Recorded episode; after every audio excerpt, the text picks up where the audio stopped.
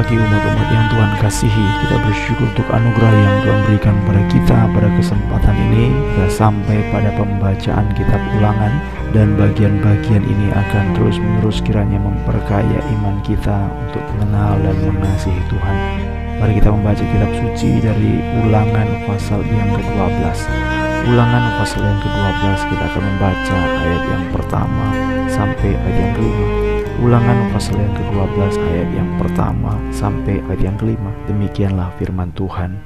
Inilah ketetapan dan peraturan yang harus kamu lakukan dengan setia di negeri yang diberikan Tuhan Allah nenek moyangmu kepadamu untuk memilikinya selama kamu hidup di muka bumi.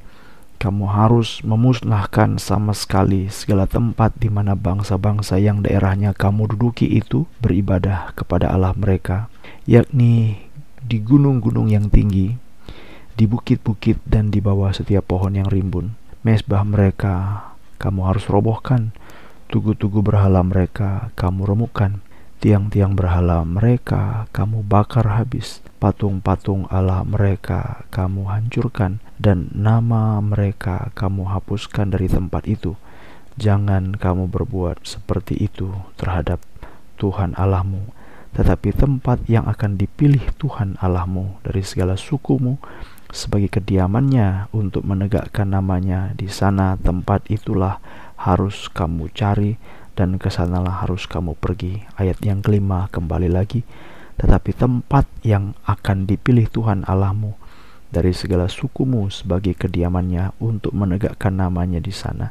Tempat itulah harus kamu cari dan ke sanalah harus kamu pergi. Sampai di sini pembacaan kitab suci.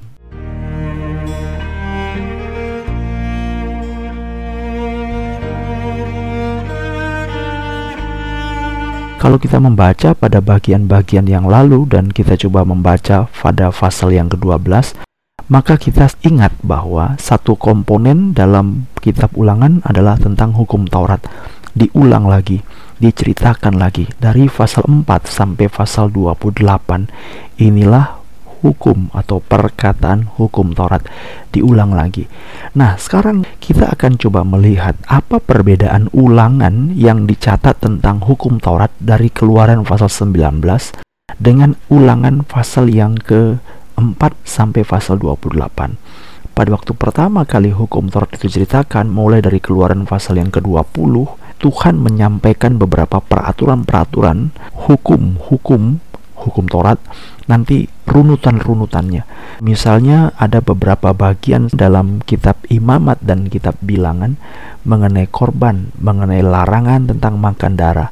Maka diulang lagi dalam kitab Ulangan mulai pasal yang keempat sampai nanti pasal 28. Jadi ada beberapa hal atau isu yang tentang hukum Taurat yang diulang lagi dalam kitab ulangan. Seperti ulangan 12 menceritakan tentang makan darah. Ulangan pasal 13 tentang penyembahan kepada Allah lain. Hal sama tentang ulangan pasal 14 tentang peraturan soal makanan atau hewan-hewan yang tidak haram dan yang haram. Kemudian mengenai tahun-tahun sabat ulangan pasal 15 tentang hari-hari yang kudus, pasal yang ke-16 tentang hakim-hakim pengangkatan dan kota perlindungan, pasal yang ke-16 dan 17 kitab ulangan. Ada banyak yang diulang, tetapi hari ini saya akan mengajak kita untuk melihat lima hal yang menjadi perbedaan dari apa yang diceritakan dengan waktu lalu, kitab yang lalu tentang hukum Taurat, yaitu dalam kitab ulangan adalah hukum yang disampaikan kepada generasi yang kedua, tahun yang ke-40. Maka warna yang muncul dalam pengulangan tentang hukum Taurat pada kitab ulangan adalah apabila engkau nanti telah sampai di tanah perjanjian. Ini berbeda dengan hukum Taurat yang diceritakan pada kitab sebelumnya, baik kitab Keluaran pasal yang ke-20, baik kitab Imamat Bilangan Perbedaannya dengan kitab ulangan, dalam kitab ulangan, pengulangan hukum Taurat itu ditandai dengan satu parafrase dengan satu istilah. Apabila kamu nanti tiba di tanah yang ditunjukkan Tuhan atau tanah perjanjian. Itu perbedaannya. Itu sebabnya diulang lagi hukum Taurat itu demi kepentingan apa? Demi kepentingan kalau nanti kamu tiba di tanah perjanjian. Saya membaca ulang dalam ulangan pasal 12. Inilah ketetapan dan peraturan yang harus kamu lakukan dengan setia di negeri yang diberikan Tuhan Allah nenek moyangmu kepadamu untuk memilikinya. Jadi kalau nanti kamu sampai di negeri yang dijanjikan Tuhan itu, inilah yang kamu lakukan. Itulah perbedaan pengulangan hukum Taurat, kepentingan hukum Taurat diulang dalam kitab ulangan. Hal-hal ini adalah apabila nanti kamu tiba di negeri yang dijanjikan Tuhan. Pertama, dalam hal tempat, satu tempat ibadah dalam ulangan pasal 12 ayat yang kelima kalau kamu nanti beribadah maka kamu tidak boleh membakar korban sembarangan hanya di tempat yang ditentukan oleh Allah. Ulangan pasal 12 ayat yang kelima. Ini perbedaan yang ditekankan. Kenapa Allah mengulang lagi hukum Taurat? Kenapa Allah mengulang lagi perintah Taurat? Karena ada kode-kode ada maksud-maksud yang hendak ditekankan, yang hendak ditunjukkan. Nanti kamu sampai di tanah perjanjian, hanya satu tempat di mana kamu boleh beribadah dan memberikan persembahan. Apa arti daripada perintah ini? Untuk menunjukkan bahwa karena Tuhan itu satu, Tuhan itu esa, ulangan pasal yang keenam maka Tuhan sedang menunjukkan ada satu tempat di mana kamu boleh beribadah. Tempat itulah yang akan ditunjukkan oleh Tuhan. Itu yang pertama. Yang kedua, mengenai tentang raja, peringatan raja, yaitu bayangan Tuhan sudah mengatakan, nanti kalau kamu di tempat yang di tanah perjanjian, kamu memiliki raja.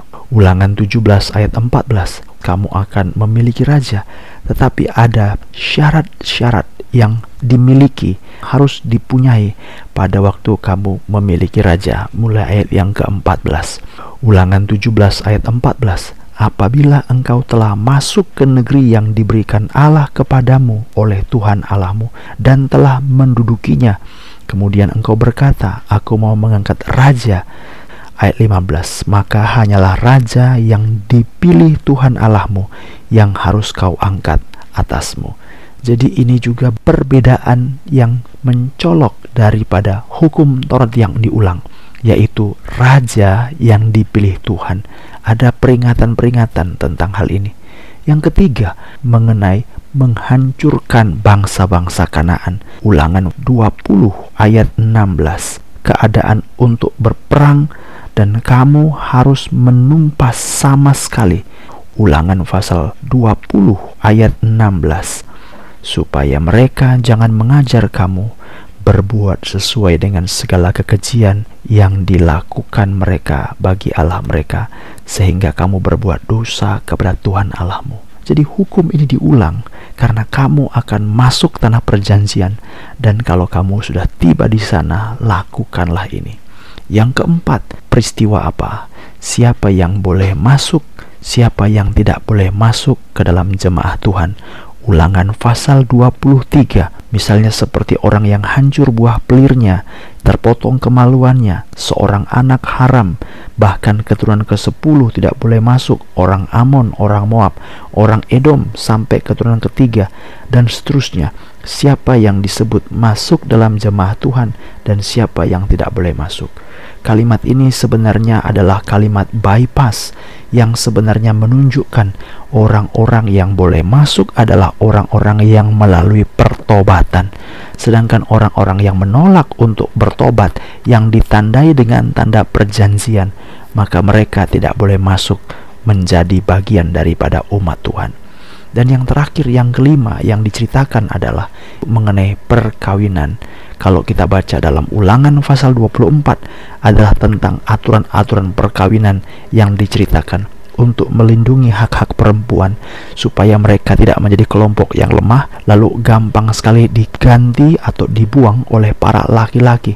Ini akan terjadi apabila kamu masuk di tanah yang dijanjikan oleh Tuhan. Jadi umat-umat yang dikasih Tuhan, apa sih gunanya Tuhan mengulang lagi hukum Taurat?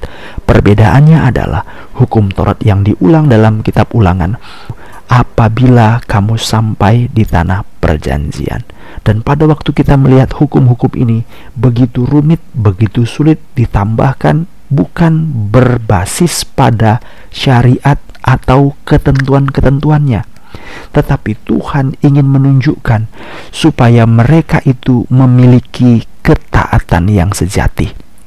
Taurat sebagai ketaatan yang sejati. Baik dia raja, baik dia orang biasa, baik dia laki-laki, baik dia perempuan, baik kehidupan sehari-hari, baik dalam ibadah kepada Allah. Lima hal yang pertama, satu tempat ibadah. Yang kedua, raja yang dipilih hanya dipilih Tuhan. Yang ketiga, dalam hal perang untuk menghancurkan bangsa Kanaan seluruhnya. Yang keempat, dalam hal kebaktian siapa yang boleh masuk dan siapa yang tidak boleh masuk. Yang kelima, dalam hal perkawinan apa yang kita renungkan hari ini menunjukkan bahwa setiap kehidupan mereka, setiap status sosial mereka, rajakah, masyarakat biasakah, hidup sehari-harikah, dalam ibadahkah, kebaktiankah, militerkah, berperangkah, semuanya itu dasarnya adalah Taurat Tuhan.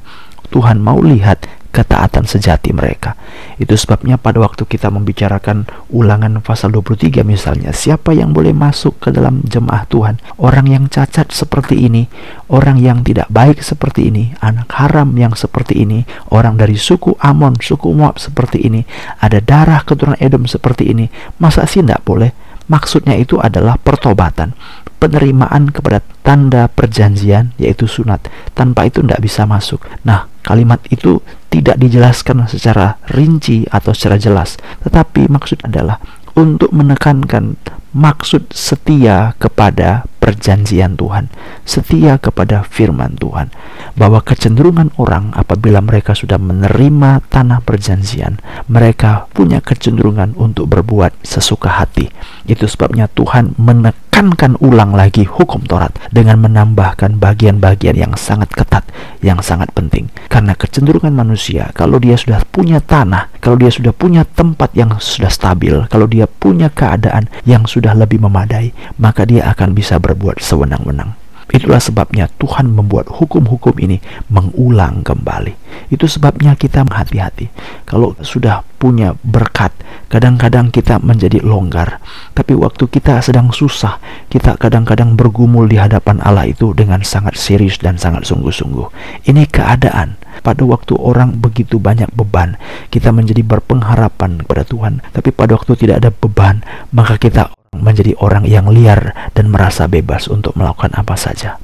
Itulah yang dialami oleh bangsa Israel. Maka Tuhan mengatakan kalimat yang sangat penting sekali. Apabila engkau telah masuk di tanah perjanjian, maka urutan-urutan bagian-bagian dari hukum Taurat itu diberikan dengan sangat jelas. Bukan sebagai tuntutan syariat, bukan sebagai satu hal yang membuat mereka berbeban, tetapi Tuhan ingin melihat apakah mereka punya ketaatan yang sejati di hadapan Tuhan? Dan apakah ketaatan itu didasarkan atas firman Allah atau karena paksaan? Itulah sebabnya Tuhan memberikan hukum-hukum ini marilah kita bersandar kepada anugerah Tuhan dalam segala sesuatu sehingga walaupun ada kelemahan ada ketidaksanggupan kita tahu bahwa ketidaksanggupan kita itu bukan karena kita enggan, bukan karena kita malas, tetapi karena kita mau melakukan segala sesuatu dengan taat yang sejati kepada Tuhan. Tapi kalau kita tidak sanggup, ada anugerah Allah, ada pengantara, yaitu Yesus Kristus yang sudah melakukannya dengan sempurna. Marilah kita berdoa.